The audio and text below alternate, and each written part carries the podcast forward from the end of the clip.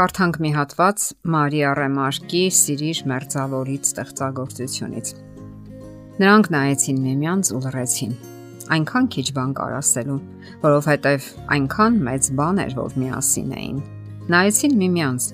եւ այլևս ոչինչ չկար բացի իրենցից։ Մեկը սուզվեց մյուսի մեջ։ Հայրենադարձվել էին իրենք իրենց մոտ։ Կյանքն այլևս ոչ ապագա, ոչ անցյալ ուներ, միայն ներկա միայն հանգստություն էր, լռություն ու խաղաղություն։ Օրինակելի ընտանիքի բնորոշիչներից մեկն էլ սերն է։ Սակայն օրինակելի նշանակում է նաև կազմակերպված տուն եւ ոչ միայն զգացմունքներ։ Եթե տունը ընտանիքը չի գործում որպես հիանալի գործարկված մեխանիզմ, այնտեղ վաղ թե ուշ հիմնախնդիրներ կառաջանան։ Ռիթմիկ ընտանիք Այսպիսի ընտանիքը կազմակերպված է գործուն արդյունավետ հաստատված կանոններով եւ սկզբունքներով, որոնք ամուսինները գնահատում են։ Կարևոր է այն, որ նրանք հենց այնպես չեն հետևում դրանց եւ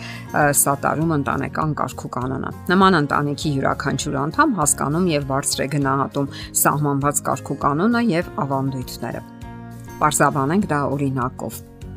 Օրինակի համար երեխայի համար ճաշ պատրաստելը միայն երեխային անհրաժեշտ կալորիաներով եւ հանքանյութերով ապահովել չի նշանակում։ Երեխային կերակրելը կարող է վերածվել մի գործընթացի, երբ երեխային հնարավորություն է ընձեռվում իրեն անվտանգության մեջ զգալու։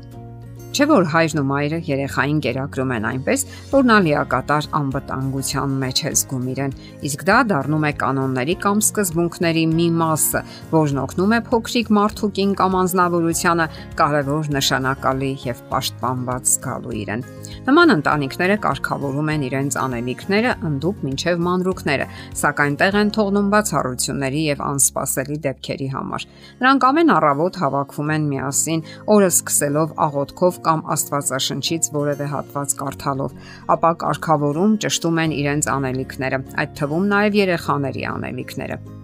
Նրանց կարելի է նաև ապարգևատրել այս կամ այն դրական գործի համար եւ նման ընտանիքներն ավելի կայուն եւ հուսալի են դիմանում կենսական ցանկացած փոփոխության, շնորհիվ կազմակերպվածության եւ կայուն բարյացակամ սկզբունքների։ Եվ այդպիսի կազմակերպվածությունը հատկապես կարեւոր է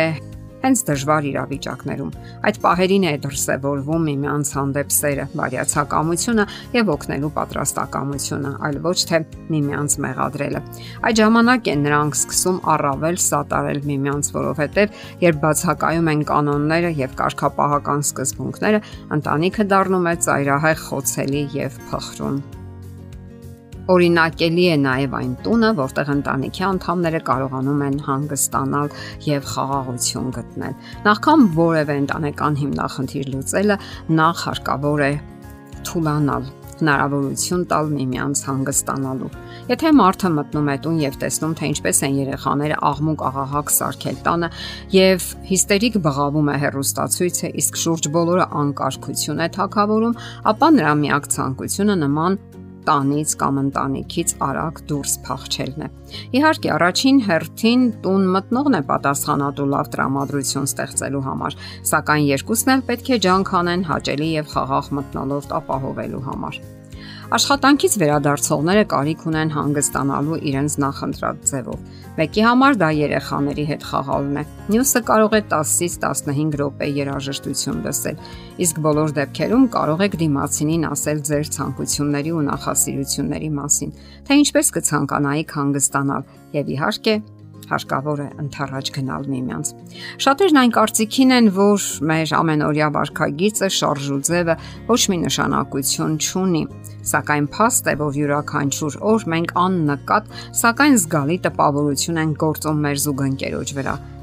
եւ դա նրա վրա ազդում է ողջ օրվա ընթացքում։ Ասենք որ այն զույգերը, ովքեր չեն ջանում, չեն հրաժարվում տհաճ բարերից ու արտահայտություններից, ցավոք ի վերջո հեռանում են միմյանցից։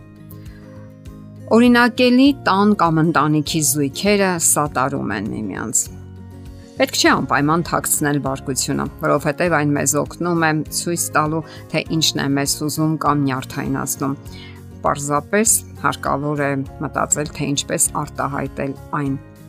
Հաջորդ պահը, որը եւս անկարևոր չէ, ինչ որ հաճելի բան պետք է ասել ամուսնուն կամ կնոջը։ Շատերը հաճախ ողջույնի փոխարեն այսպես են ասում Դու խանութ մտար կամ ուսի վրայով հենց այնպես նետում են ողջույն։ Փորձեք ամուսնուն դիմավորել որևէ հաճելի խոսքով, ժպիտով, խաղաղ արտահայտությամբ դեմքի։ Մտածեք հետաքրքիր ու անկեղծ հաճոյախոսություն ասել, այն շատ տեղին կլինի։ Կարող եք պատմել նաև որվա ընթացքում ձեզ հետ տեղի ունեցած որևէ հետաքրքիր կամ զվարճալի դեպք։ Մտածեք ինչպես շփհատը մեկ անգամ ողջունել ինչ որ անսովոր ձևով, առանձնահատուկ փոքրիկ անակնկալ պատրաստեք։ Այդ բոլորը մի པարզ ենթատեքստ պետք է ունենա։ Դու ինձ համար առանձնահատուկ մարդ ես։ Ես սիրում եմ քեզ։ Դե ինչ ճանապարհորդությունը սկսված է։ Դուք այդ ճանապարհն անցնում եք համատեղ եւ կերտում եք ձեր ամուսնական հիանալի միաբանությունը։ Ամեն ինչ նշանակություն ունի։ Ինչպես եք շփվում միմյանց հետ, երեխաների հետ, ինչպեսի կահույք եք օգտագործում, ինչպես եք կազմակերպում ձեր ընտանեկան առօրյան եւ ինչպես է գործում ընտանեկան կուր հանգույցը։ Ինչպես եք կազմակերպում ձեր շուրջերկրյա ճանապարհորդությունը ամուսնական սարցահատով։ Միասին սիրով եւ իմաստությամբ անցեք այդ գրավիչ եւ երկարատև նավարկությունը կյանքի գետով եւ կառուցեք ձեր օրինակելի ընտանիքը կամ տունը։ Եթերում ընտանիք հաղորդաշարներ։ Հարցերի եւ առաջարկությունների համար զանգահարել 033 87 87 87 հեռախոսահամարով։